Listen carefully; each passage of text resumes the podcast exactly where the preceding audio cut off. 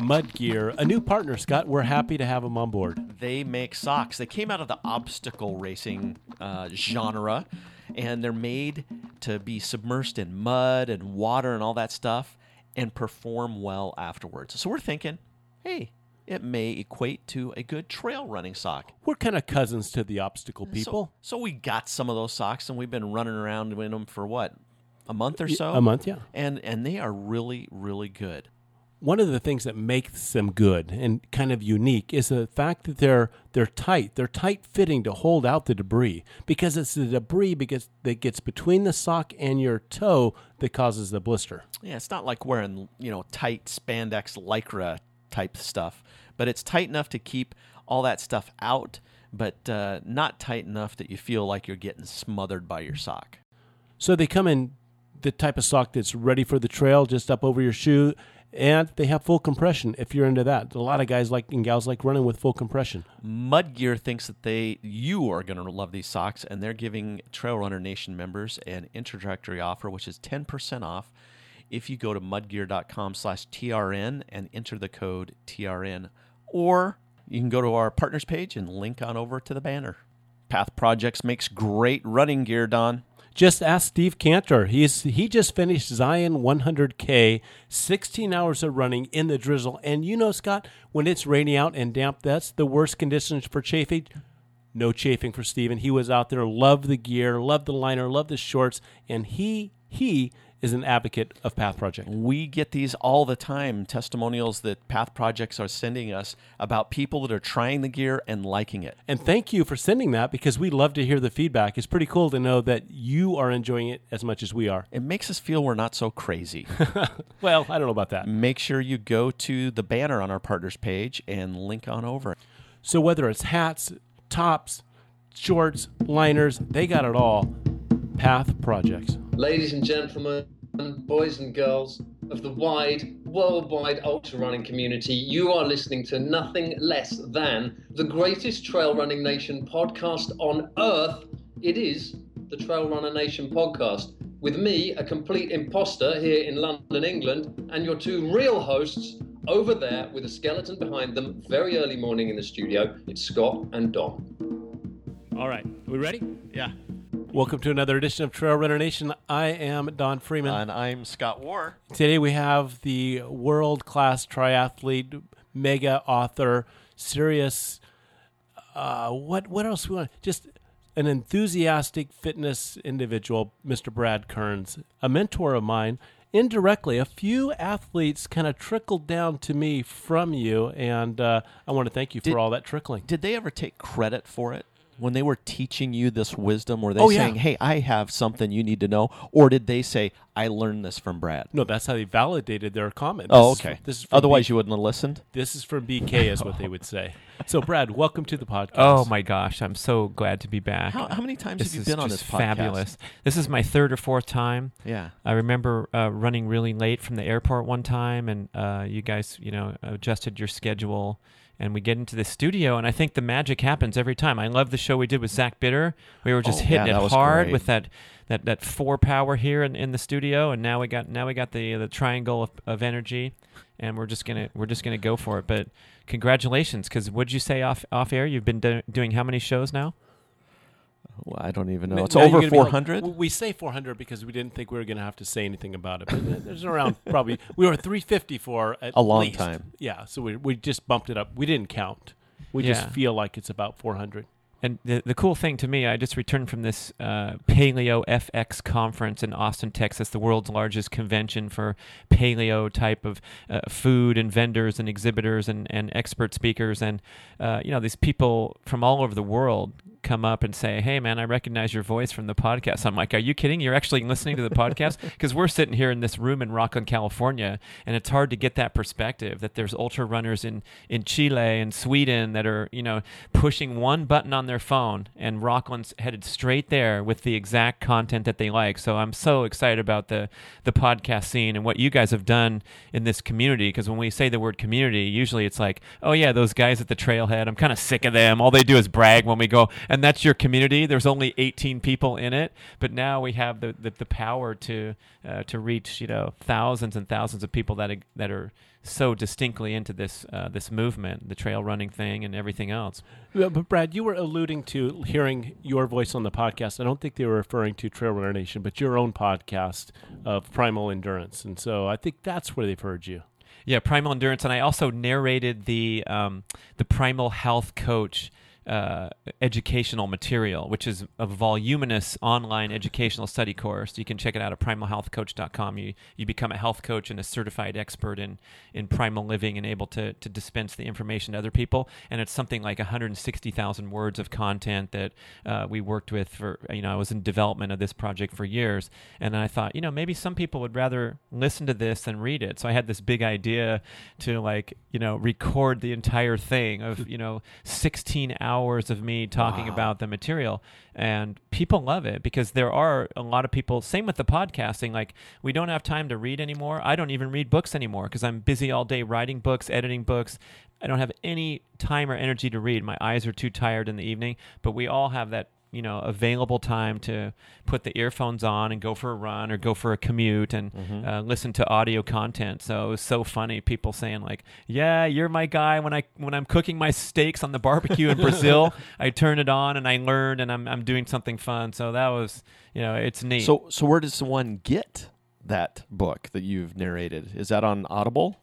Uh, well, no, this is the Primal Health Coach educational material. So you, you enroll in this comprehensive oh, oh. course. Uh, but I've narrated uh, tons of books. I love doing it. And my favorite one was the Keto Reset Diet. When uh, you know this book went to New York Times bestseller last year in October when we launched it. Mark Sisson and I and I got to read the audio. They they chose me from uh, the lineup of professional narrators. So I went to the uh, the, the the the recording studio of uh, Penguin Random House, the national headquarters, and got the real deal with like a guy behind the window, the audio engineer, wow. tracking every word I say and telling me to get my levels up and down. Yeah. It was like, but Kind when I kind of like rec- here, right? Yeah, Kinda I, I was here. going to say, how Yeah. does how does Mic Studio G discipline. How does Studio G compare to something like that? Are we Uh, are we I- I- within a few degrees? We're degrees? very, very close. Let me answer for Brad. We're very, very close.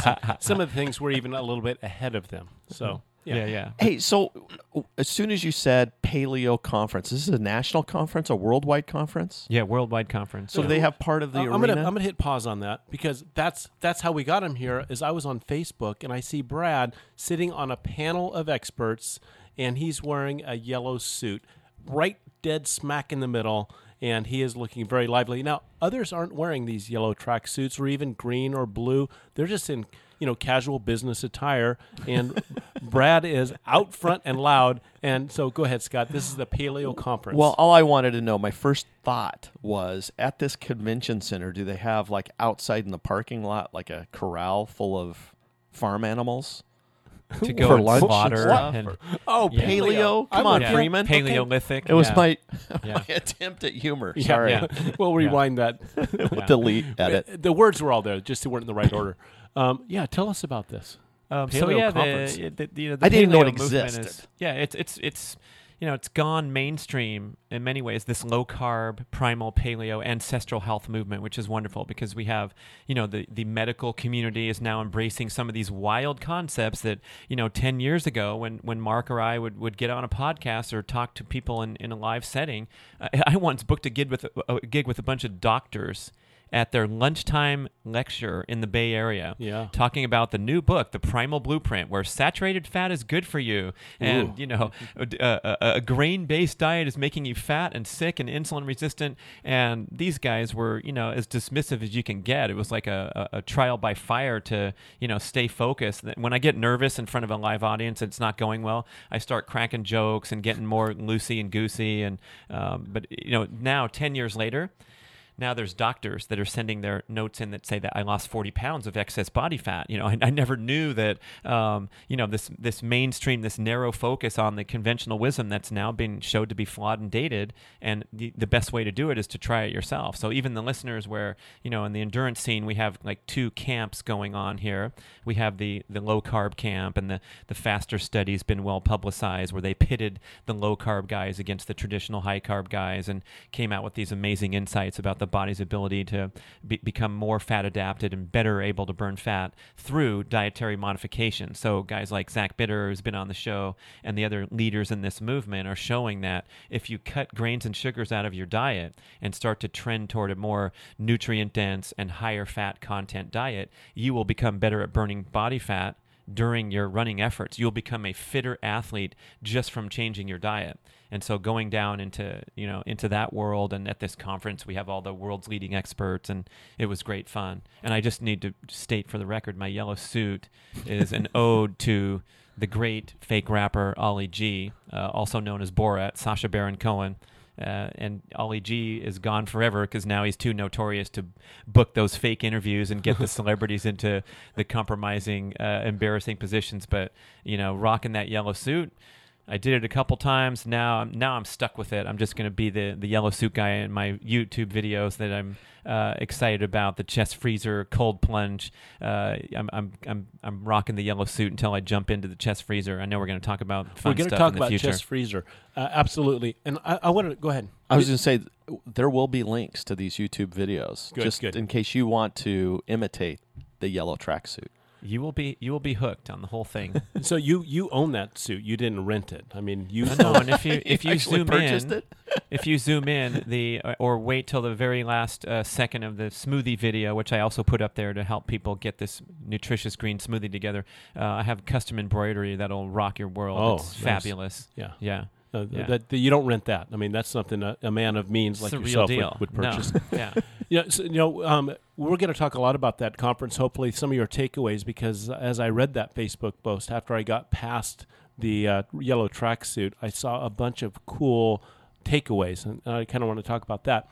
But as you mentioned, ultra runners or endurance athletes that kind of have moved towards this more fat adapted environment or nutrition, and especially you know um, off trail and on trail, is that many of the things that take us down on a trail come from these high packaged sugar products. Your stomach goes south because you're trying to jam all of this sugar down your stomach when you could be using your own fat as nutrition and it's cleaner burning and many of the things like um, body parts that hurt. There's a lot of inflammation that happens because you're processing this sugar. So, so many of these things that we put on our checklist, I hope this doesn't happen to me. I hope this doesn't happen to me, are really self-induced because of stuff we're shoving down our mouth. And that's what I think your your message is really, really important to overcome and adapt and become that um, runner that can go a long time. Right. We're used to burning uh, cheap and dirty fuel that is glucose. And remember, every carb gets converted into glucose. So if you think that your bagel or your brown rice and lentil soup that you have the night before the race or whatever, you know, it's it's all turning into sugar in the body. And when we become carbohydrate dependent, through those adverse dietary practices, high carbohydrate diet, and then secondly through failure to properly regulate the training heart rate so that we're up in the sugar burning heart rate zones when we're uh, repeatedly doing our, our training sessions, then we're training our bodies to uh, be dependent on sugar and use sugar as the primary fuel, glucose as the primary fuel when we're running. And uh, even ultra runners who are, you know, should know better because their race distance is so long that you can't get into those sugar burning heart rates and expect to succeed. But generally speaking, a lot of people are out there training a tiny bit too hard. It still feels comfortable. I know how to uh, run at 142 and I feel absolutely fine, but my aerobic limit is 130. So backing down from 142 to 130 is, uh, you know, that's a slower pace. It's more frustrating. You're walking up hills, listening to that beeper, and it's a totally different training experience than, you know, focusing and maintaining some pace that you deem to be okay. But it's actually a combination of fat and sugar instead of your maximum fat oxidation point and minimal glucose stimulation. So if you train properly and regulate those aerobic heart rates and then combine that with this nutrient dense whole foods, you can say plant based diet. I'm not in controversy with people who think that uh, vegetarianism or, or veganism is the way to go because we're talking about the most nutritious foods on the planet. So you have a, a, a vegetable heavy diet, but you're also finding these sources of uh, d- delicious, nutritious fats that are high satiety that give you the energy you need and the nutrients, and you're getting rid of the crap, as Mark Sisson calls it, beige glop. Hmm. That's the grains and the sugar, especially the grains, because we all feel like this should be a centerpiece of the diet. That's what our doctor tells us, the whole grains. And this stuff, especially for the runner, is gonna is gonna cause a lot of problems uh, it, it- the guy sitting in the cube next to you, it's also going to cause a lot of problems and lifelong accumulation of excess body fat, those inflammatory factors and those uh, disease patterns that happen. You go to the, you go get your annual physical and your triglycerides are up and over 150, and they say eat less fat because you have a lot of fats in your blood. But the truth, the scientific truth that no one can dispute, is that there's fats in your blood and then there's fats in your diet, and they're not related the way we think what they are. The high fat level in the blood is because you're consuming so much sugar, producing a lot of insulin, and the insulin is, is causing your triglycerides to raise and causing you to have inflammation, oxidative damage, and the heart disease risk factors. So, as Gary Taubes and Robert Lustig and the leading proponents, the anti-sugar crusade people, Cate Shanahan, you know, sugar is the is the real enemy and the real killer and the main culprit of heart disease. And these natural nutritious fats that humans have thrived on for two and a half million years, there's a lot of uh, support and argument that if you switch over to a high fat diet, in three weeks, you're going to regulate those blood factors that are a concern for uh, disease risk. When you said cubicle next to you, I thought you were going to go to flatulence. I thought that's where you're going to go. I, I didn't expect all these other things. Um, you talked about, and I think very important, um, training at 132. Like I'm great at 140, right? But uh, I'm supposed to be at 130, but I can handle this 142 no problem. I think where we lose sight is that our training runs are an hour to four hours, say, but our racing might be six to eight hours. And so we really need to train what we do on race day. Get get rid of this what I feel like I can do for an hour or two hours, but we need to train in the zone that we race at. And I think that's one of your messages that have trickled down to me through the years was train train slow, race fast, Yeah. but but train in the zone that you're going to actually um, be performing. Well, in the case of an ultra ultra, right? But I mean, when you're talking about um, Zach and Rich Hanna and these guys that are blasting the American Yeah. River 50, I mean, Rich Hanna's record time of 5:41. Yeah. If you if you you know run two marathons and figure out what pace, these guys are flying and they're Yeah. they're doing a surge on a hill, and so they are you know they're they're blasting that heart rate up to 175, 180. So the, the concept is if you take care of your body in training and minimize the stress impact of training because long distance running is a very stressful activity. It's it's tougher than swimming or, or even sitting on your ass on a bike and pedaling. I mean this is a you know musculoskeletal damage and stress hormone production and all these things. So even if you even if you never uh, uh, get up to those high heart rates very frequently in training, you can go and do a race for four hours at 142, even if you train it uh, never above 130 and that's that's going to put you in this position on the start line where you're healthy you're rested your your hormones are good, your blood volume is good, you're ready to go, and then you summon a superhuman effort at the race, which is what the race is all about, is to go above and beyond what you've ever done in training. And I use this analogy all the time i- i- in the uh, in the lectures when I'm when I have a live audience. I go up to the person in the front row and I say, "If I put a gun to your head right now, dude, guess what? You're gonna run a marathon right now, and you're gonna finish, and you're gonna beat your PR, and then we're gonna take you to the hospital, maybe if it's not the quite thing. But it's like we're capable of so much when we're rested and recovered and uh, our, our spirit is, is nourished and balanced and we're not you know constantly slogging ourselves and punishing ourselves with these workouts that are stressful. But i think the mindset especially of the athlete is like well I got to get something accomplished every day. I can't slack off. I can't blow off workouts. And I have to exactly approximate what I'm going to do in the race over and over and over. And the triathletes are super guilty of this. So they're like, yeah, if I do like four more 100 mile rides, I should be ready for the Ironman hmm. in 13 weeks. I'm like, how about one done really, really well and then recovering extensively after? And then you can sit here and say, I'm a badass 100 mile ride dude because I just did one in the hills, hard, blank, blank. Same with ultras. You just, you know, if you're trying to place top 20 in Western states, go out there and slam a 40 miler all out. You know, go, go over to Forest Hill and race yourself home to the track in Auburn, California and do that once. You don't need to do that five times because if you do it five times, the sixth time race day, you're going to be fried in the brain and the body. And so, like, recalibrating our notion of what it means to train and prepare for a race, it doesn't mean have to approximate over and over. Maffetone says this too. He's like, um, you know, your your your anaerobic muscle fibers don't really need that much training. They're they're designed for brief explosive efforts. So if you do a speed session once every six weeks, if you're an ultra runner, that's fine. You're just fine tuning and you're learning your form and your explosiveness and you're improving your technique through uh, running at a high rate of speed. Um, the aerobic muscle fibers can handle a lot of training, but aerobic training is at that limited heart rate, so you're out there taking it easy. And then finally, this is Mark Sisson and I uh, BSing one day and coming up with what we thought was an amazing insight. Like, does your brain really need to be trained to suffer? Do you have to Mm. practice suffering to be good at suffering? Or can you get your butt on the plane and fly up to Oregon and say, yeah, I'm going to try to run, what was it, 240 miles? Uh, two, 205. Yeah. So can you take care of yourself for 363 days a year and, and go to sleep on time and do foot massages and do cold therapy and contrast with sauna and cold and, and a full body massage and chiropractic adjustments and have this type of lifestyle and then go up there and pursue the ultimate limit of your human experience and your endurance potential? I mean, of course you can. And that guy who's rested and energized and refreshed is going to do better than that guy that's done well in prepare in preparation for my 200 mile run. I've done several hundred milers and I feel great. It's like doesn't make sense. Doesn't make sense. Right, right. I, I like, I, I, Scott, I know you have something. I really like your, le- you're better off doing one good quality trip from Forest Hill down to the finish, that 40 miles, Western States that you're talking about. Better off with one good one of those than four mediocres. Exactly. Why go bury yourself and hurt yourself and dri- drive yourself into the into the trail when one good one will set you psychologically in a better place and physiologically? I like it, Scott.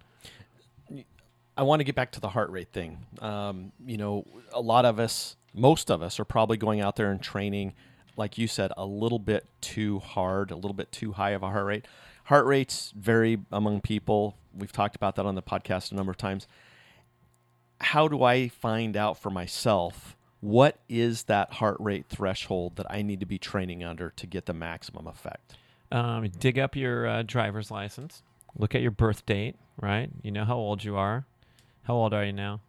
Uh, You must be- 51. Oh, this guy looks good 51, yeah. 51. He's much- I was much saying he's pushing 40. Yeah. But okay, so 180 minus age, we're going to say 50 because we're easier at the math, is 130. I'm 53. I'm still using 130 because uh, I don't care that much.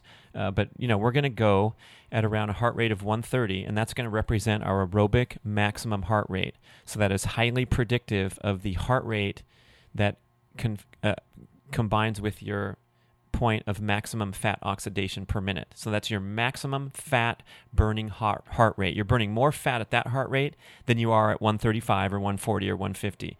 You're burning more calories at 150, but you're starting to recruit more and more glucose, and your fat oxidation, if you're imagining a bell curve, uh, it's, it's up top at 130, and then it goes down right? You, you burn more and more fat as your heart rate goes from 100 to 110, 130 point of maximum fat oxidation, and then it drops as you go faster. So that that sweet spot there is where you're getting the maximum aerobic benefits with the minimum amount of anaerobic stimulation. And the reason we don't want a lot of anaerobic stimulation is that's not the goal of training because we're trying to do a long distance event, and it also uh, starts bringing in uh, uh, release of stress hormones into the bloodstream, waste products in the muscles that cause delayed recovery time. So not to, don't don't misunderstand. Like if you go and do a vigorously paced workout, if you're training for a marathon and you go do a half at a pace much faster than the marathon, all these things have a training effect. A 5K race has a training effect on your marathon goal, as does a, a 30 mile run that takes five hours when you're trying to run a 315 marathon. All that stuff's great. It's training the body to do something. It's it's getting to that problem of building fitness, but there's a stress cost for every workout. And when you minimize the stress of your workouts by training aerobically, where your body's comfortable, and that 130 is super comfortable, we find when people get into this and go, wow, this is really super ass slow. I can go way faster without any discomfort. But we're talking about the metabolic effects, optimizing the metabolic effects of the workout by, by going and, and becoming a fat burning beast. I, I, do want to add, um, and I was hoping you were going to bring it up, but I'm going to remind you because in the book that you narrated, I learned something from you because my heart rate we've discussed is crazy high. It's like a, uh, Brad. It's like a hummingbird. I, I, yeah. Anyway, so it's so I can't, or I haven't been able to use that formula. But you said in the book that you and Sisson wrote that if you can just go out, close your mouth, and breathe through your nose, go out and run and breathe through your nose. That's the heart rate you need to be running at. Yeah, so except for- unfortunately, I can do that, and I could be at 175.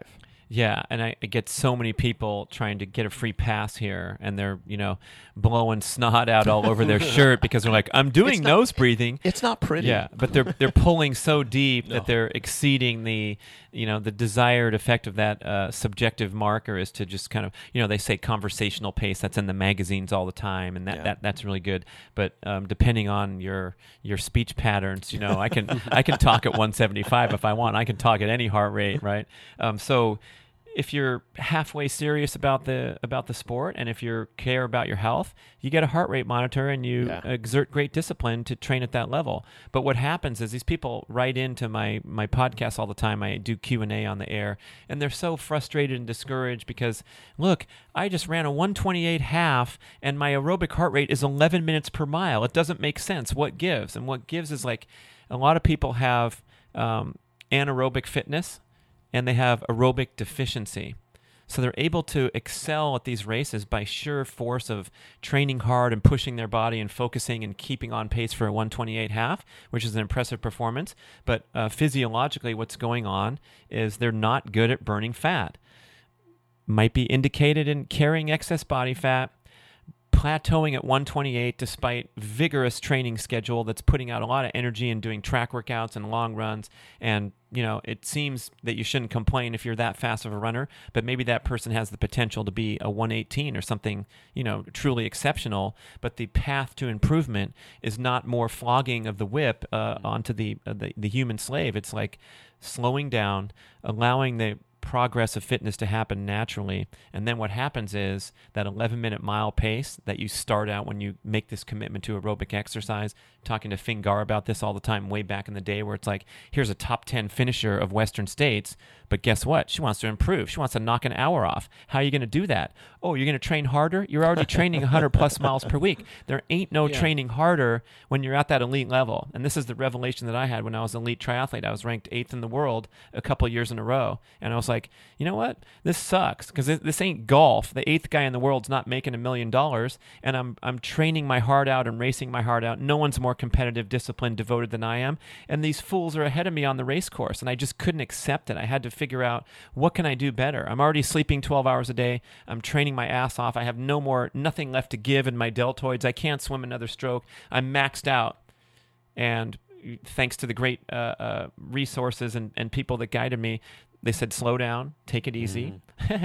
um, min- you know, lower your training stress and you'll get faster. And not only did I get faster, I got a lot faster and also healthier and extended my career by slowing down and training less less intensity, less volume, just toning it down and allowing the body to to be healthy. And so that's the rationale for slowing your butt down and making yourself enjoy a lower heart rate when you know it's fun to get that breeze blowing in your face a little bit faster and have that uh, endorphin rush at the finish uh, of your workout. And that's another big point that we don't talk about enough is like we do this because it's fun. It's a balance to our sedentary lifestyle patterns. It's a great challenge. It's a great sense of satisfaction. And we get those little doses of drugs every time we do an eight miler at a tempo pace because our body is bathed in stress hormones after these stressful events of running an eight miler at tempo. And you feel great and you feel pain relief because that's the endorphin effect. It's a genetically programmed effect to um, to get you to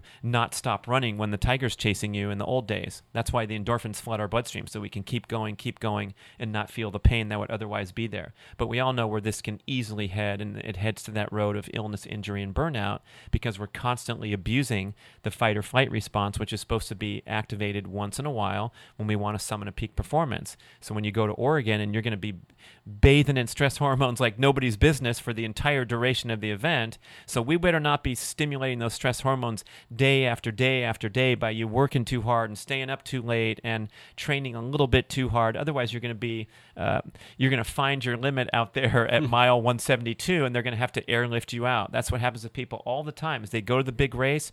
Ironman in Hawaii is the culmination of the sport, and then people come home and they have their story. What's your story? Oh, I got back spasms at mile 88 on the bike. Never happened before. Oh, really? That's so sad. Let me cry a few tears for you. But you were the guy out there overtraining all summer, and you know, eh, we we're, had no business getting on the starting line with this broken down body. Even though it was fit, you had the six pack and the veins showing because you've been, you know, emaciating yourself over the whole summer of, of excessive training you want to be you want to be uh, 10% undertrained rather than 1% overtrained on any starting line and believe me it will come it will, it will pay off in droves. You know uh, sometimes you listen to a podcast and you, you're you're busy doing things. You've got tasks it's kind of a background. If you didn't hear that last five minutes hit rewind and re-listen because that is good good stuff. I mean that is brad kearns at its finest and and i love that story and I think people can hear from your own experience of being a professional triathlete and actually slowing down and watching your rankings improve.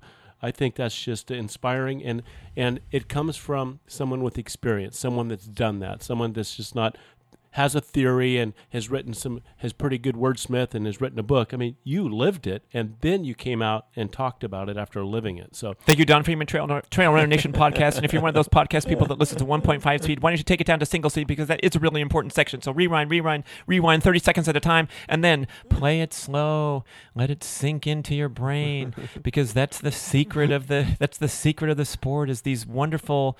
Uh, uh, personality attributes that make us successful and accomplished. And we have this, you know, type double A or type triple A nation here. We're not talking about slackers that we need to come up with a story to get them off the couch. We're talking about the the most highly motivated and focused uh, people in society. So the message of just taking it easy is tough to uh, to stick sometimes, but that's right. I want to come here and say when I slowed down and took it easy and moved to Northern California and started training solo rather than in Los Angeles where I was in these big packs and it was just insane like the level of competition. I swam with the junior national swimmers that were headed to the Olympics. Um, Kristine Quance, multiple gold medals in the Olympic Games. Bud McAllister, coach. I mean, this was big time swimming. And then you get on the bike and you do the Tuesday ride and the hmm. Saturday ride in the San Fernando Valley and there's 80 guys there. And uh, one of them's Thurlow Rogers who raced as a pro for a long time and just like you're stepping on the gas every single day and blasting your brains out and you get fit and you get fitter and you get fitter and then you get to this point. And i got to the point as i describe hey i'm top 10 guy in the world. I'm pretty good pretty good triathlete. I'm good at swimming biking and running. But i had one arm that felt like it was falling off all the time and i had uh, uh, plantar fasciitis that was so bad i had to limp to my jacuzzi to, to get the water on it so i could put weight on it and then put a running shoe on it and then go run six miles at too fast of a pace and then do this and then do this. So um, it was it's a big awakening to realize that there's a different path to achieving your goals than just pure gas pedal down, which has been the way that you did it to get through law school or to make it to number one salesman at Gold Circle and get the trip to Cabo and all the things that we do where we just grind away and we succeed in, in normal life. Some of those things don't really fly too well, as it turns out, uh, when you're going for ultra endurance goals with a dynamic body one of the things as I we mentioned her a couple times, Julie Fingar, who is a mentor of mine that I've run with, and and you were uh, her mentor as it trickled down. One of the things advice that you've given to her that we talk about often is, what do you do after the big race? And she says, well, BK would tell me to go go around town and eat as much pie as I can find. don't do anything. Put your feet up and don't do anything for the next two weeks. It's okay. Um, can you say that in, in your own words? Well, what happens when we finish a big race and achieve a wonderful goal is again we have that um, that that that stress response where we're just wired on excitement and adrenaline and it carries over for you know the next week or however long.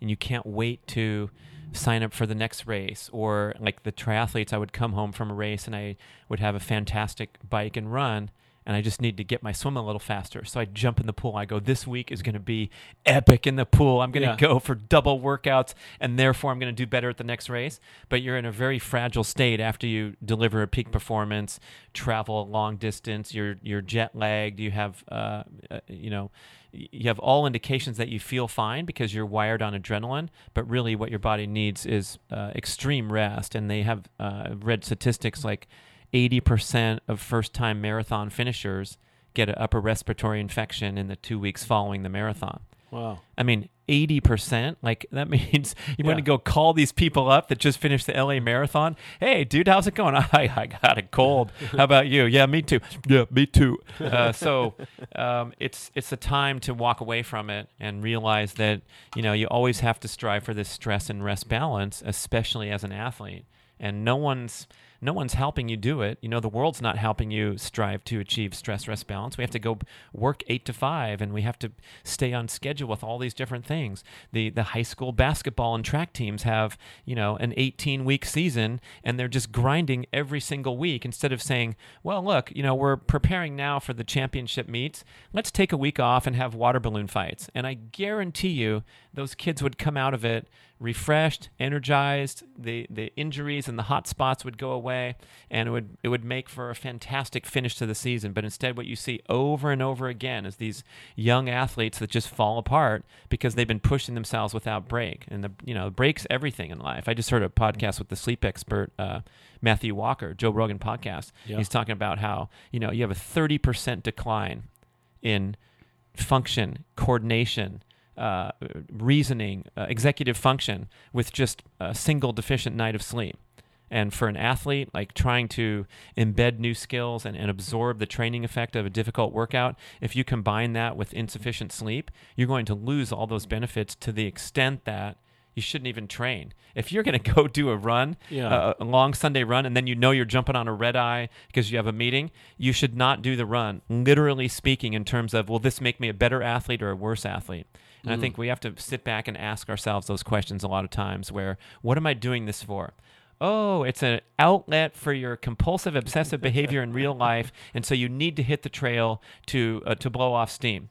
Uh, and to get that you know ego massaged a little bit where you can write a number in your training log and all that stuff's okay. I mean you can't you can't judge it. If you need an outlet and you know that it's maybe not uh, aligned with your your competitive goals you're just going out there to, to to turn the gas pedal on and blow it out you just have to acknowledge that and say i'm not a serious athlete. My goals take second uh, second precedent to uh, my ego and and just be real about it. But instead what we have is this uh, perpetual uh, behaving uh, in an incongruent manner to our stated goals.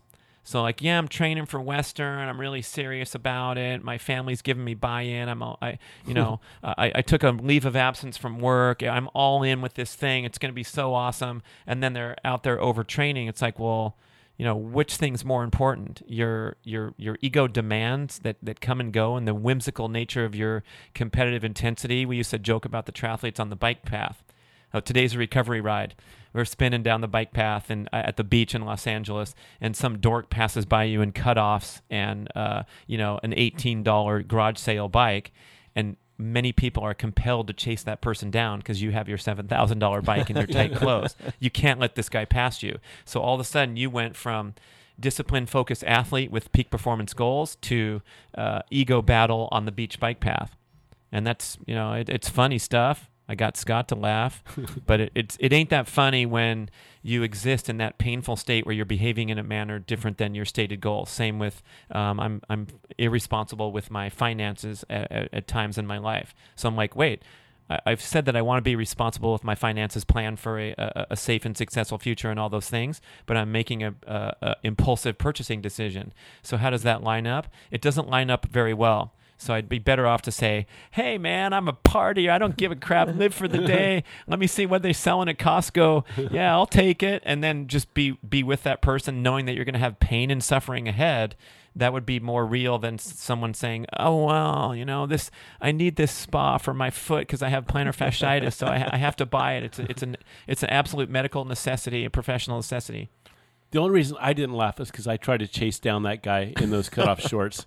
Scott, so that is probably the biggest quandary we have because as you said people who are listening to this podcast are type a personalities and they have goals and they have a plan that's attached to those goals. And so if i'm going to run a marathon i'm going to run a half marathon i'm going to run a 100 miler i have the training plan. And it says this week i need to go 60 miles Well, I'm going to break that up because the calendar says I need to do this many on Monday.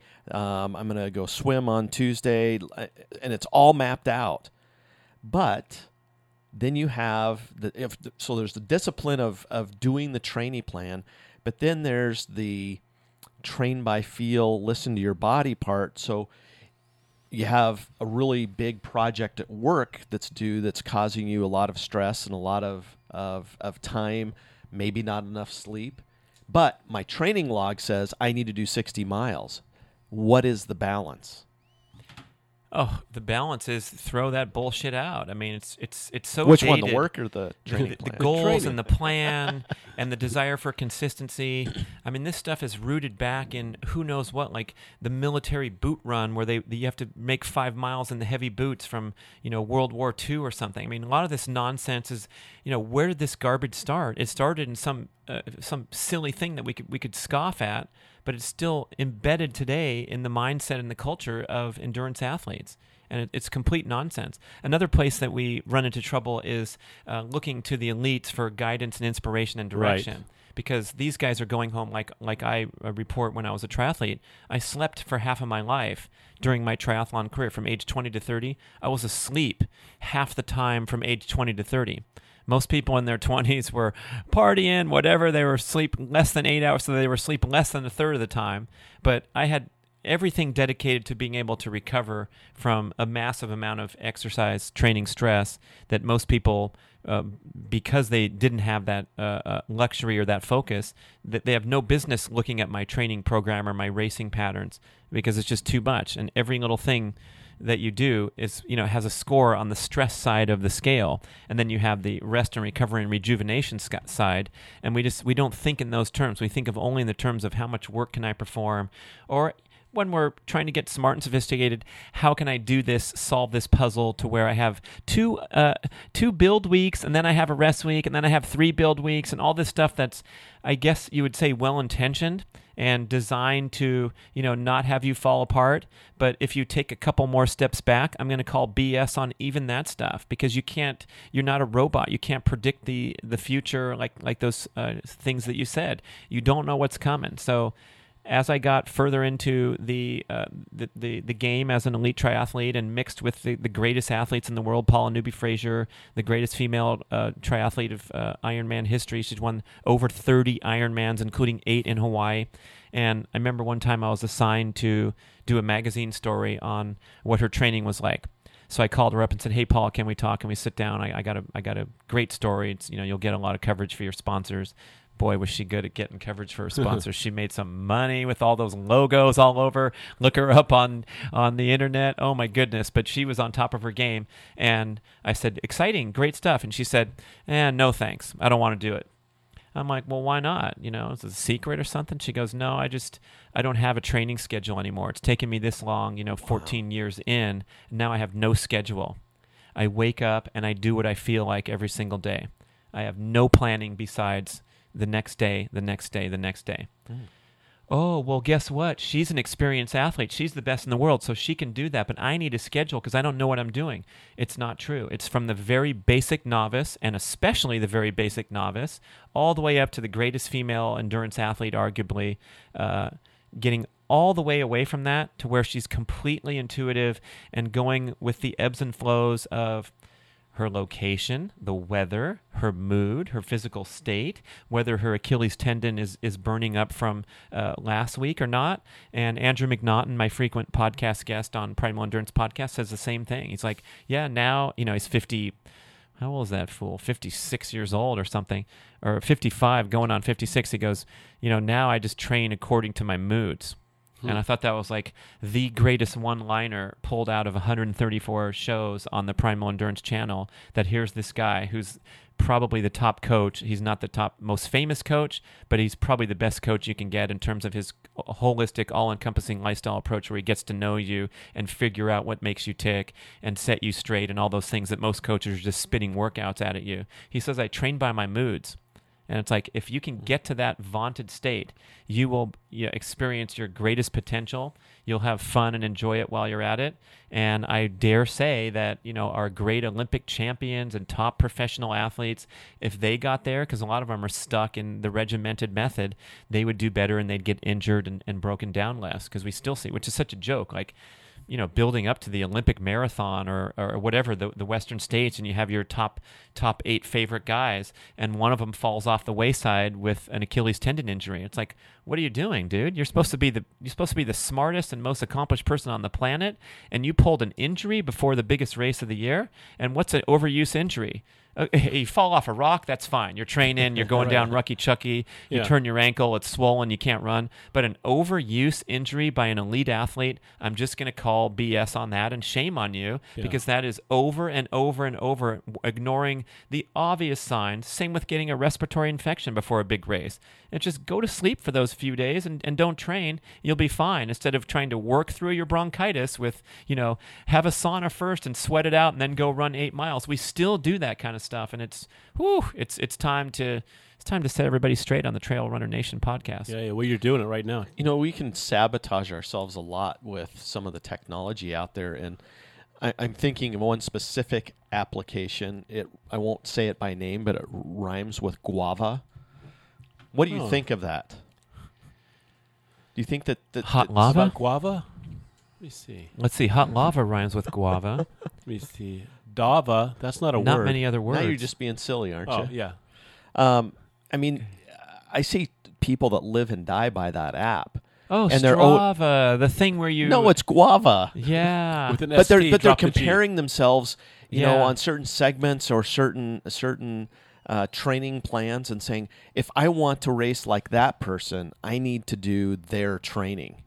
And uh, I think that we can sabotage ourselves by doing that. Well, we see, like Brad was saying, you know, uh, we look at some of these ultra athletes that are running 125 a week miles, and we think, well, that's the key to success. I need to do 125. But they were doing what you're doing, sleeping half the day and training and eating and getting massage and all kinds of stuff through the other waking hours. They're just a professional athlete. or they're not- genetic freaks too. So don't you know like. That's a good yeah. point. you know I get reports from over over across the pond that the Brownlee brothers are junk food junkies and they like their cream puffs and their pies and they shovel that stuff down.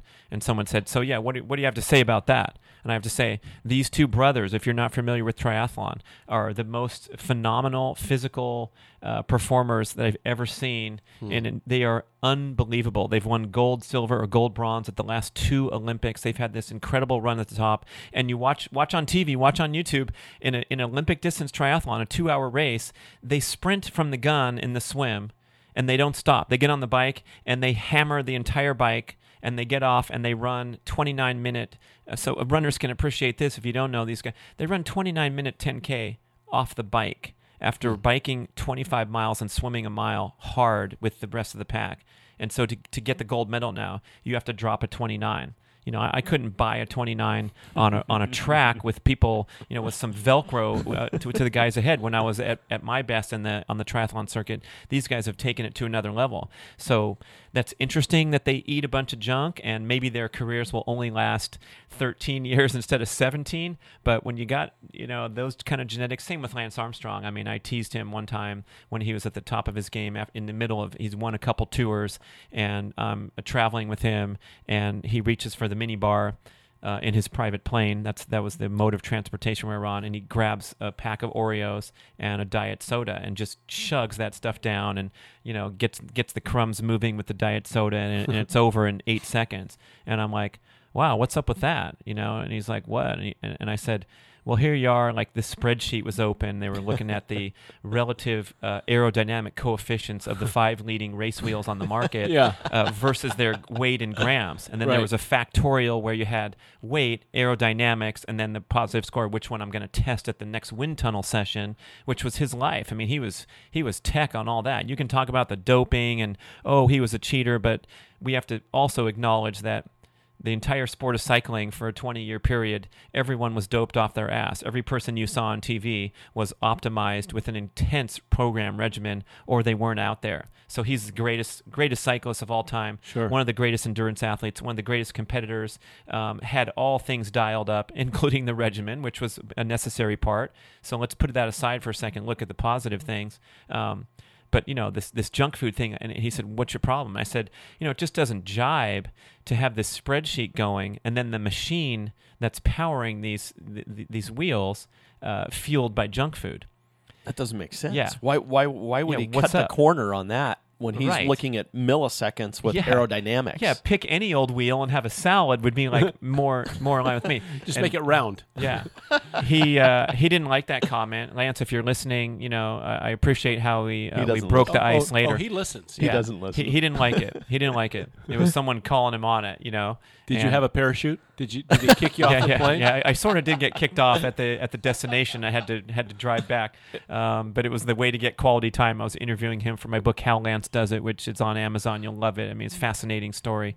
Uh, now that we're, the smoke is cleared, and we realize that he wasn't this evil cheater that we all think he was. He was just a guy in the pack trying to trying to trying to earn a living and have a job. But anyway, um, I think the point of my story was like Lance could probably get away with eating diet soda and Oreos because you know he's the highest level of, of genetic freak that we've we've seen. He was a, professional athlete at age 15, racing on the pro circuit with guys you know that had been training for years and years to get to that level, and he was world champion on the bicycle at 21, beating you know the seasoned pros from Europe. So free pass for the Oreos. Those of us listening and talking uh, on this show you know we got to look at those things and realize that uh, we can't we can't cut the corners and expect to come out with our health and uh, our performance intact. So so you, these brothers that you're talking about, how much better could they be? Uh, probably not much better, Scott. Okay. that's my thing. Okay. it's like Just longer duration, perhaps. You know, let's Perhaps. check up on them when they're 57, you know, because if they keep doing that, you look at pictures of like Eddie Merckx and Greg LeMond, and they look differently than they did when they were, um, you know, skeletal figures climbing up the mountains of the Alps. You know, they, they put on uh, it, those ex athletes that put on 50 pounds. That's no fun either. You know, Kenny Souza, if you're listening, I, I thought I saw you looking pretty soft too. And I remember you used to call me soft, so I'm back at you calling you soft because now we're in our 50s and we gotta we gotta think about things differently than when we were that machine that was just fueled by junk. He listens too. Yeah. Yeah, Okay. they all good. listen. Yeah. I mean, that's a good. You know, it's interesting to speculate, but then there's that point where, um, you know, if you have the genetic attributes that that that have that much of an advantage, and something's not perfect in your routine, it's uh, it's it's probably negligible, really. Yeah. I, I remember uh, the story, but many of the stories I know about Brad were, were handed down. So now I'm face to face. I can I can talk to him about it. But you said you would ride with a pack of guys, say on a bike, and if you didn't feel it that day, your group was had the relationship or understanding that I'm peeling off today. I'm just you know I'm not going. And it was okay. They didn't harass you because you were learning to listen to your body, and it was acceptable for you not to complete the ride with them. Yeah, you had this uh, implicit agreement and also stated agreement that at any time, any place, you could bail and not be, you know, held accountable or, or given grief about it because we were all we were all you know pretty serious competitors and we knew the the relative importance of you know honoring your own voice and that's kind of um, to to take that and extend it out the theme a little bit more. You're in this for social reasons. You want to have uh, that that gathering, that camaraderie, and you get an, an assortment of different payoffs when you're out there and you get the most consistent uh, award on your club for the year, a perfect attendance award, or whatever the the hundred gold stars for hitting all the all the workouts. Same with the Strava thing. You get a distinct payoff when you get to upload your work onto the internet and have other people comment and compare and strive to improve. And you can't discount the importance of that, of, of enjoying your life, getting those uh, short term rewards, feeling that sense of satisfaction and pride when you upload the Strava uh, thing.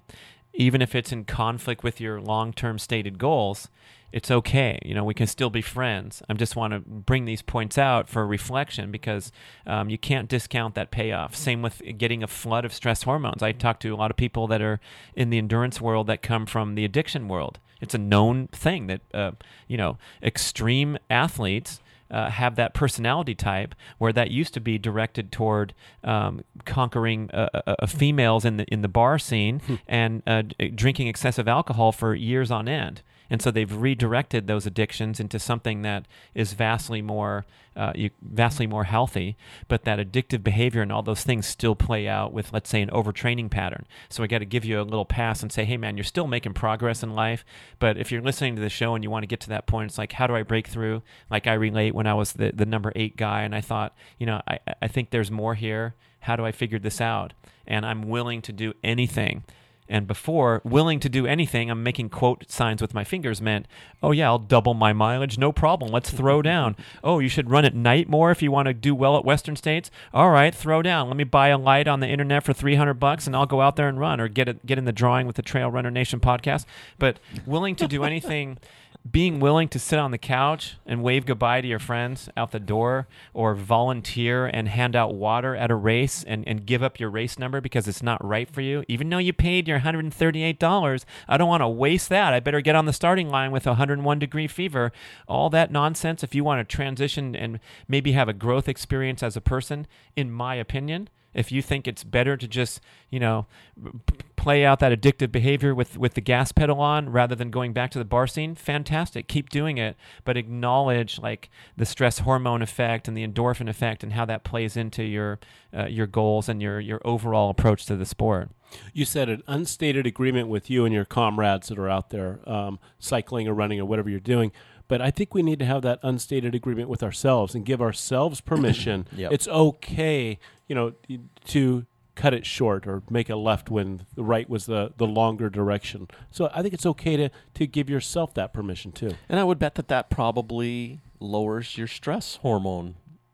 Because you've given because- yourself permission. Yeah, right. That's right. Right. Yeah, I I mean, if, if, if I'm so stressed that I didn't get my work in in, It might have been. You might as well better have done you know, it, this, right? thi- this week I was Uh. supposed to get 60 miles. I only got 30 miles. That means tomorrow I got to run 30 miles, or else I'm not going to hit my goal. or, or you give yourself, Or you just say, that you know day what? off. It's, it's okay. you give yourself that day off, but you're stressed so much that Right. overall it was worse than running 30 miles. Right. Yeah, for Yeah. real. Yeah, I mean you're you're you're exacerbating the pain of uh, you know the the effects of a missed workout on your fitness and on your health are exacerbated because you're bummed about it. Yeah, so let's pull out of that spiral. And uh, remember that the brain does not need to be trained to suffer. Your brain is ready to suffer. Um, same with the cold water. Like, you know, should should I um, should I train for my swim across Antarctica uh, that they're gonna make me do with a gun to my head, or should I just you know go there that one day and try it and, and try to survive? If you train for it, you'll be you'll be dog meat at the starting line. So we're reading a book right now that was just published in February called Endure. I don't know the entire entire book. Alex Cut. Hutchinson. Yeah, the Hutchinson brothers. Yeah, very popular. And uh, I don't know if you read it, but it talks about that uh, big time athletes can suffer more because they have trained their brain to suffer more. And it was saying that. So, I want you to elaborate on that. You're, you're. I, I can see your mouth saying BS. Oh, I'm saying that uh, we're drifting into some semantics. I think. Okay.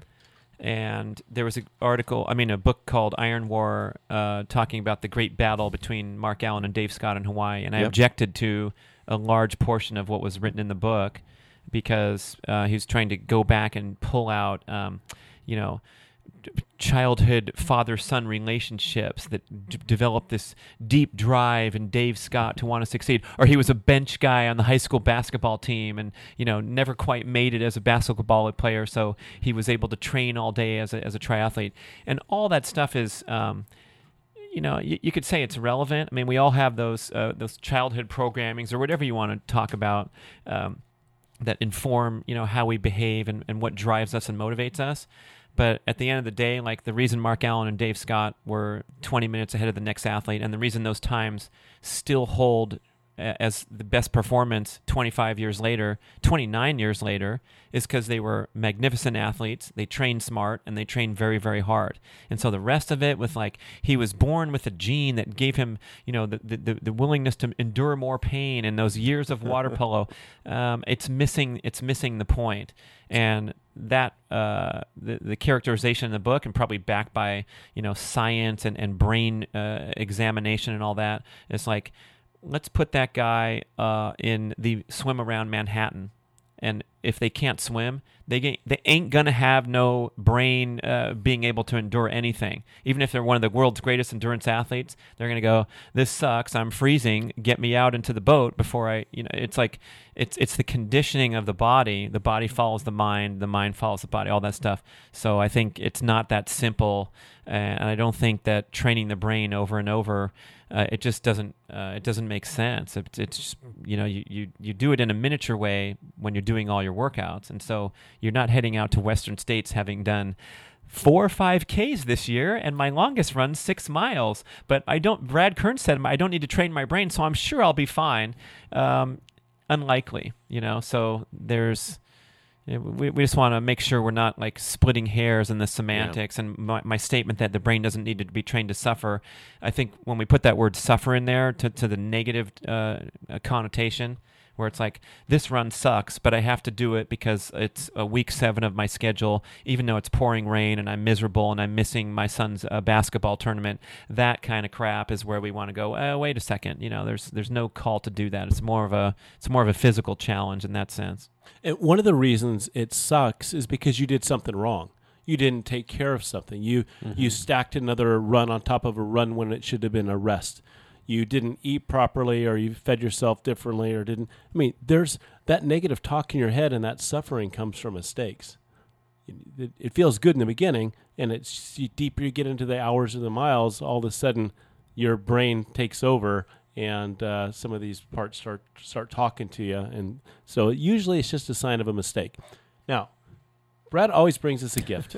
That's the only reason we invite him. yeah, last time last time he brought this awesome chocolate. What uh, it was it was Oh, spicy. The, the stew can't stop bark. The No, no, no, no, the- no. bark. Oh, that was No. the previous time. the the the they were the ones that you bought down at the natural food place down Oh in uh, yeah, you find these nuggets. they don't oh, make, the, they don't sell them the anymore. by ghost the way. pepper almonds. Yeah. chocolate covered almonds. Today I'm going to have some. What it describe to me what I'm having is cherry. It says on it. By the way, it's in a um, canning jar. yeah. Right. No, I'm I'm in the business, man. I make my own kombucha at home because I love kombucha. It's really good for uh, gut health and the probiotics and all kinds of uh, vitamins and minerals. It's like an energy, wonderful drink that doesn't have the sugar that uh, the, the other stuff does. So um, you buy it in the store, it starts to get pretty expensive. And some of those store flavored kombuchas are throwing back in after the fact a lot of sugar to make them uh, have all these different tastes. And you look on the label, and some of the, the carb grams are up there with like a vitamin water, which is up there with a Coke. So when you make your own kombucha, the real deal at home, and allow, allow it to ferment for 11 days, I'm a, I'm a big enthusiast. You can see some stuff on Instagram where I'm taking pictures. how is it? I'm going to give it a live taste test right Yeah. now. I mean, there's no fake in this. I am the editor, I, so I. I, I need to get a cup. blurp, blurp, blurp, blurp, blurp, blurp. oh, that's good. It's Pretty good stuff. Yeah. What does it taste like? Well, you have to taste some for yourself. It just tastes good. It tastes unique. Is it? Is it looks like it's berry flavored? What's in it? Yeah, the straight straight kombucha is sweet tea. So you make black tea with a ton of sugar, make a gallon of this you know, very very sweet black A tea, syrup. And then you drop the SCOBY in. That's the symbiotic culture of bacteria and yeast, S C O B I, and that over the next 11 days will eat the sugar and the caffeine and turn it into this fermented drink. It's kind of like how beer works, right? It ferments the barley and the hops or whatever. So you have this process going on where 11 days later, 7 to 11 days later, you're going to taste it and it's no longer this intensely sweet tea. It's got sort of this uh, interesting, uh, I guess it would be like pungent type of flavor uh, that, straight kombucha without without any uh, second fermentation. But if after you have the base kombucha, you can drink it straight, or you can reflavor it or re-ferment it with something. So I put in um, cherry juice into the bottle and allowed it to ferment three more days uh, in the sun. And now the cherry from the cherry juice, that whatever sugar went in there, is getting eaten up by the uh, the the bacteria, the live bacteria that's in the kombucha. So it's a very low sugar drink, but it kind of satisfies your um, your sweet tooth or your soda fix. oh, in that oh, I way. feel satisfied right now. Yeah. I mean, extremely it- satisfied. so Listen to his ferment- voice. Listen to the intonation change. His voice is now like sharp and crisp. Is is a fermentation? So is this considered an alcoholic drink? Oh yeah, you see those labels with the warning, and there there's a um, you know a trace amount of alcohol in certain But it's not. conditions. And I'm not sure. I'm not sure if mine has it or not. But if you're if you have zero tolerance for alcohol, you can go on the shelf in the store and look for the ones that the ones that have a little tiny bit of trace alcohol left. They have a little star on it, and who knows if it's a gram of alcohol in a uh, in a in a 16 ounce drink. But um, yeah, that's part of the part of the fermentation process. You get a little alcohol. Yeah. Let me ask you a question. You did a series of books. How did Lance do it? Was that How Lance we went from it. kombucha to How- yeah, uh, yeah, we're book all o- reviews. when you drink this stuff? There's you know you just. I want to talk another thing about fermentation before we go. Okay, go ahead. Kimchi. Are you know what kimchi Sure, is? Do you, yeah. do you like? Is, is that is there health this, benefits uh, of kimchi? this category of fermented foods uh, is super important to include in the diet. And uh, the ancestral diet, of course, had tons of that because they had no refrigeration. So they had to figure out all these ways to uh, preserve food by fermentation. And this was, you know, a critical component of human evolution. Dr. Cate Shanahan, one of my favorite people in the movement, smartest smartest lady on from the from from the MD family medicine with a lot, an actual practice caring for patients, but one of the leading voices in the primal paleo movement. So she's on the front lines, and she also has done all the research. She has a great book called Deep Nutrition, where she talks about these uh, four pillars of uh, of good nutrition based on ancestral practices, and it's like organ meats and things that are nutrient dense that we typically discard. Yeah. And then fermented foods is a whole category that we might be extremely deficient in, even if we're healthy eaters. So you have sauerkraut, you have uh, yogurt, you have um, uh, kimchi and uh, uh, kombucha, uh, probiotic pills, these things that you're taking that, that contain these live probiotic cultures that help nourish uh, healthy intestinal function, which is a big, a big health issue these days. People are starting to realize how important this is for all matters of general health to have that healthy gut function. And if you're on a high carbohydrate, uh, bread heavy diet,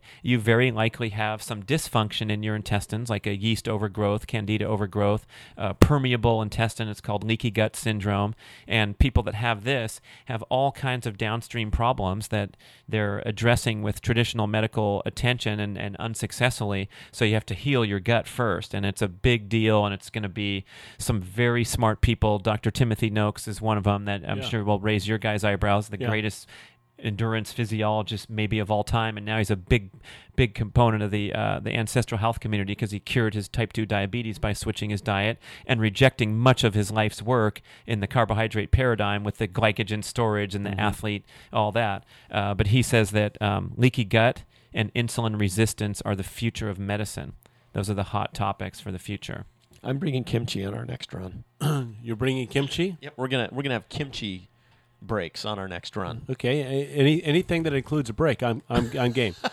Um, Kimchi and Mike Discipline are going to check into a hotel together. Those are my two favorite fake names of the show. How Lance did it. You also wrote how Tiger Woods. How Tiger it. does it, how Lance does it. I was like the Yeah. I was like the hex guy walking around with my my typewriter, my laptop, and trying to find a new victim. And my Your publisher, uh, Mark Weinstein at uh, McGraw Hill, you know, we, we we after the Tiger scandal broke, he called up and he says, "Okay, so who's next?" You know, it was like the funniest joke of all time because I wrote the Lance book in 05 before any of this came down. He was just this legendary, you know, Tour de France, and then I wrote the Tiger book in 09 or 08. So um, it was interesting timing. But again, these guys, I mean, the, the, uh, you- There's you- no you- book about Trail Runner Nation, by No, the way. Yeah, right. That's, that's next. uh, but if you wade through that stuff, you you can see these guys are, um, you know, there's there's so many wonderful attributes that uh, having that uh, long personal interaction with Lance for, for many years and, and starting out on the triathlon circuit with him. And then um, my company sponsored him when I was down in the dot com scene. So I got to do certain events and, you know, see him interact in, in his life. And uh, he had a, he had a lot of great attributes that can that can serve people that are interested in competition and doing things right and having that having that uh, optimal peak performance mindset. Another tidbit I remember was uh, one of my sections as the writer. I wanted to prepare for the interview and, and say, "Hey, talk about your you know your mental training and your visualization practices." And he's like. I don't do any of that shit, man. I'm like, what are you talking about? You don't rehearse the descent on the hill or like, you know, get into that, uh, turn up, put your headphones on and like, you know, gain that sense of calmness with your breathing ritual before you get on the bike. He's like, nah, I don't have any time for that. He goes, it's all about the preparation And when you prepare properly, you build that confidence naturally. And there's a way to manufacture fake confidence, right? We can kind of go through with our guru and visualize the first 50 miles of the Western States course and think that we're gonna we're gonna navigate it so well because we visualized it. But it's like if you ain't in shape and your hip flexors start going and your quads start aching, the visualization doesn't matter. And I thought that was a cool, uh, you know, that's unique and individual to his personality, but everyone has something to learn from that. Like, you know, you can put aside that that goofy stuff and those those tapes and those affirmations that people put out and do the hard work. He's like, for me, it's all about the hard work. He said. And then he knocked back another Oreo. so, did you get in front of Tiger at some point too, or did you do that? No, man, just- that dude's you know behind behind closed doors and behind Yeah. bars. And I have to say, um, thanks Mark Steinberg, the gatekeeper, his agent, because um, that guy needed that more than any human on the history of the planet. And in the new book uh, called Tiger. It's on the bestseller list. It's a magnificent, extensive volume of his entire life that these two prominent authors spent many, many years piecing together interviews from 100 people, people that have never spoken before about what happened behind the scenes. And his public persona and the image was so disparate from, um, you know, what was really going on. Now we know a lot of it, how everything fell apart. But like his dad came out looking really, really bad. And the poor guy's gone now. But like throughout his life and the Tiger story was this supportive dad who challenged him and made him tough and gave him mental toughness exercises from his uh, Army beret career. But he was like eh, p- painted to be this money grubbing opportunist guy who had a dysfunctional relationship, and the son was, you know, his his essence of life was just to be a performing golfer and not learn how to be a comprehensive human. And these stories going on about how the guy doesn't tip. I hope you've changed now, Tiger, if you're listening. But like He never he never tipped, Yeah. you know. And so the PGA Tour went to the extent that they would back up behind him and tip out people so that they wouldn't gossip and say, "Wow, the guy stiffed me. I got his car and he gave me nothing." And Phil Mickelson's peeling off hundred dollar bills everywhere he goes. He's known for that. People think he's a phony. People think he's this, he's that. He's got a lot of criticism, like especially inside the inner circle. They say, "Oh yeah, Phil's the biggest phony out there." But guess what? He still took a picture with my niece at a gymnastics meet in Orange County that he showed up at and was super nice to her. And he tips out $100 bills. And I don't care if he's a phony in whatever other way, because I think these guys deserve their privacy and their protection. And Lance, the same, man. I mean, people, he was the world's king of saying no. And it was it was pretty harsh and intense sometimes, and he'd say no to me and all kinds of you know opportunities and people that were counting on him. But he had to win the tour no matter what for seven straight years. That was his sole mission in life. He had an uh, operation of 50 employees that were counting on. If he gets second in the tour, U.S. Postal Team, I mean, they're nowhere. They're not winning any other races. They're not doing anything. All these sponsors are spending tons of money. Trek Bicycle doesn't grow from 28 million to 575 million unless he wins. And so he was really good at saying no. And so a, a section of the book is devoted to like what we can all learn from having that discipline to prioritize our life every day and learn how to say no. And if people get upset, it's sort of like f them if they can't if they can't deal with what you're all about. And i thought that was a mind blower to me because i'm like the yes man and people would complain i stretch myself too thin and i i miss commitments because i was too busy with the previous person to get here on time because i didn't want to let them down. And it turns into like a you know a collapsing house of cards if you don't have that that big picture perspective and your priorities set. And that guy was the king of that. He was absolute king. Amazon.com. I know. We'll see. We'll get a little uptick in uh, book sales Yeah, since those yeah. things have been sitting there for a while. But um, that part, stuff that he said to me, changed my life. And another one I like to tell um, at live audiences and stuff was um, I was always uh, obligated to get him to sign crap for our VIPs and our top customers and our senior vice presidents. So I'd always have a stack of crap, and he'd see me and he'd tease me. All right, Kearns, what do you got today? All right, all right, put it down. I'll sign it. You know. And he was signing a stack of posters for me in Austin, and it was at the Ride for the Roses, the gathering that the Cancer uh, Foundation puts on to raise money every year uh, back in the day, right? Um, so we're at this gathering of cancer survivors in Austin, Texas, and he's signing these posters, and then he starts sneezing like crazy over and over, and I'm like covering the posters so he doesn't sneeze on the posters. Yeah. And this is May in Austin, Texas. I was just there, and like this place is the allergy capital of the world. It is brutal when the when the pollens come up and the winds come from Canada and blow everything around. Um, and I was having trouble running. I thought I had exercise induced asthma for the first time because the allergy scene was so bad. And so I said, "Wow, man." I mean, this place, the allergies are incredible. I could barely run this morning. My chest was tightening up. And look at you. You can't stop sneezing. How do you live here? How do you train here? It must be crazy. And he, he was signing, and then he stopped the pen. He looked me right in the eye, and he goes, Quit bitching. And then he goes back to signing the posters, signing the posters, and it, that was it. But like that, and that gaze that he gave me, and the way that he said it to me at that time, I laughed. I laughed it off, you know, because I'm trying to be cool and I'm with a celebrity, and people are looking at me like, "Who's that dude with the posters with Lance?" You know, it was like a public setting where we had a few minutes to ourselves, you know. Um, but later that night, I was sitting there, you know, getting ready for bed with you know time to collect my thoughts after a busy day, and I'm like, here I am at a gathering of cancer survivors Oh. with a cancer survivor, and I'm bitching and moaning about the weather in his beloved hometown. And then he looks up, and instead of 99% of the time, 99% of the people would say, like, oh, yeah, dude, it's brutal, man. You got to run before 6 a.m. Or they, they say something to, uh, uh, you know, sort of commiserate with my complaining. We like to do that as humans. It's human Sure. nature. The psychologists say that. We like to commiserate and, and share our misery.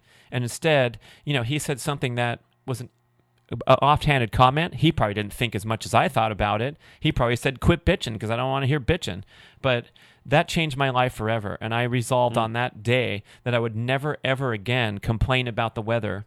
Ever, no matter what. If I'm stuck in a snowstorm and I'm getting frostbite, I'm not going to complain because I'm like, oh, at least I'm still. There's always a positive aspect that you can spin things, and he's the most positive guy uh, that you'll you'll ever find because he, he just always has you know a way of uh, being optimistic and positive. and so you know if you're outside of a hospital room and you're listening to this and you're going to go get ready for a run in 100 degree heat uh, don't complain about the weather because you're outside able to experience weather. And a lot of people they can't get out. It's 72 degrees in the hospital setting always. There's no complaints about the weather but they sure like to be outside feeling what it's like to sweat when it's 106 Yeah. Did did Lance give you that stare that he so famously gives when he's about to bury you on a hill? yeah, he's somehow I got a lot of those, Yeah. man. I was like, you know, uh, I'm kind of a wise guy, and so that that comment about the Oreos and the uh, the diet soda, he pretty much froze me out for like six months. Like he wouldn't answer my emails, and I'm trying to do my job, and he just sent this message like,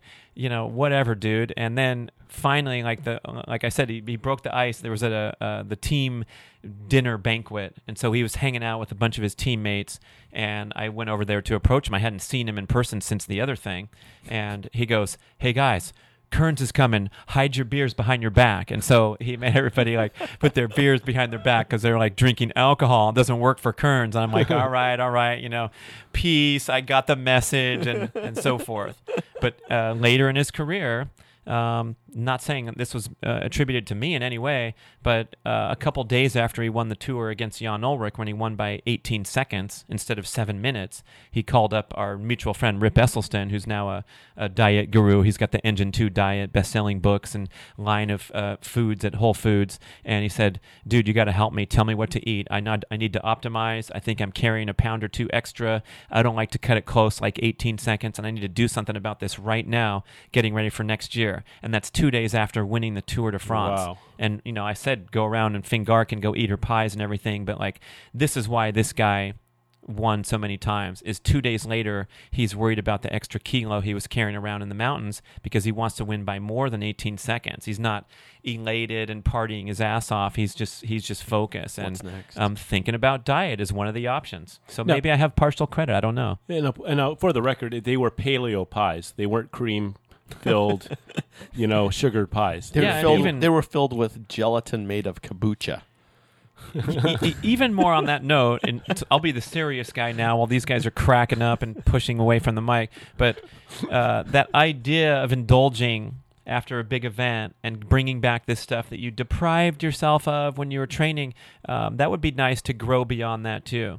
Because uh, when it's all said and done, stuffing your face with some sugary treat gives you that few seconds of pleasure, but then the overall impact eh, you're going to have gas, bloating, you're going to have a fluttery heart, you're going to have a headache, whatever. You're feeding yourself food that's not nutritious. So if you can find ways to uh, indulge and treat yourself to the, to the to the pleasures that actually you know are the best chosen and the most uh, highest level of uh, care and attention put into them. So that's the difference between like Oreos out of the wrapper or going over to grandma's house and the, the she pulls out the uh, the chocolate cookies and they're steaming hot and you have one to honor her and to enjoy life with that well chosen, well formulated treat. That's a big difference from these rationalizations that we say every single day. We're like, yeah, I, I put in, I, I'm, I'm up to 80 miles this week, so I'm just going to shovel down this stuff without a second thought, even though it's garbage. Why don't you find the best treats you can find when it's time to have a treat?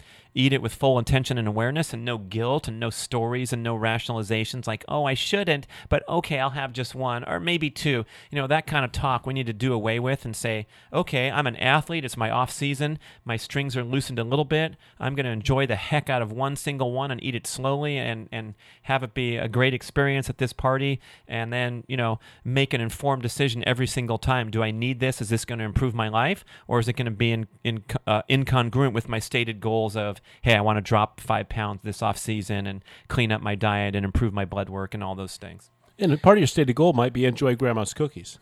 Exactly. So yeah. it, it's obvious, um, you know, getting to know you over all this, it's obvious that you practice what you preach. Let's talk about your family. Do they practice what you preach?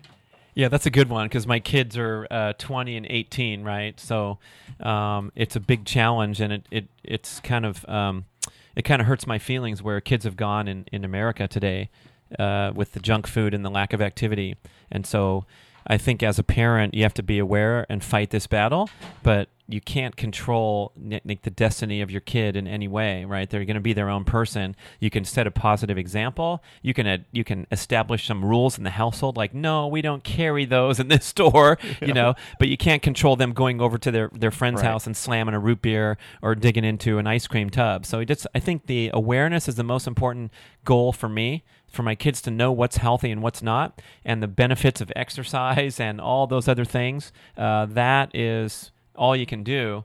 Uh, setting an example, walking your talk, and then um, hopefully, you know, people will learn to value their health, even if they're in a time and an age where they, they don't have that executive function to really problem solve and, and realize the repercussions of all their actions. They, they certainly don't. It's it's known that the brain's not fully formed until you're 25 in terms of those, you know, risk reward type of decisions. I was told 52 is where the and, and for some people, for certain people between the 51 to 53 age group, like Scott and I. Um, you know, I think that's wise. I mean, uh, and and you can introduce them to kombucha or the the what is it? Uh, I I actually make it all the time now. The bark. What's it? What? what yeah, stew, the dark stew, chocolate stew macadamia nut yeah. stew can't stop stew, bark. Stew can't yeah. stop bark. Um, I mean, introduce them to to healthy snacks, um, so that you just don't have Cheetos laying around. Yeah, um, and I've talked to people that do a great job, like with a real strict approach with their parenting, and their kids don't eat anything bad, and they have never had sugar, and um, I'm very impressed with how that went down because I guess I'm I'm too much of a softy. Like, oh yeah, my kids don't watch TV, or, they don't have screens in their in their possession, and they have no phones and no iPads, and it's like, wow, that's badass. Congratulations, you know. And it may work, it may not. I think it's uh, important just to to be a good example, teach them correct principles, and hopefully they'll make the right decision.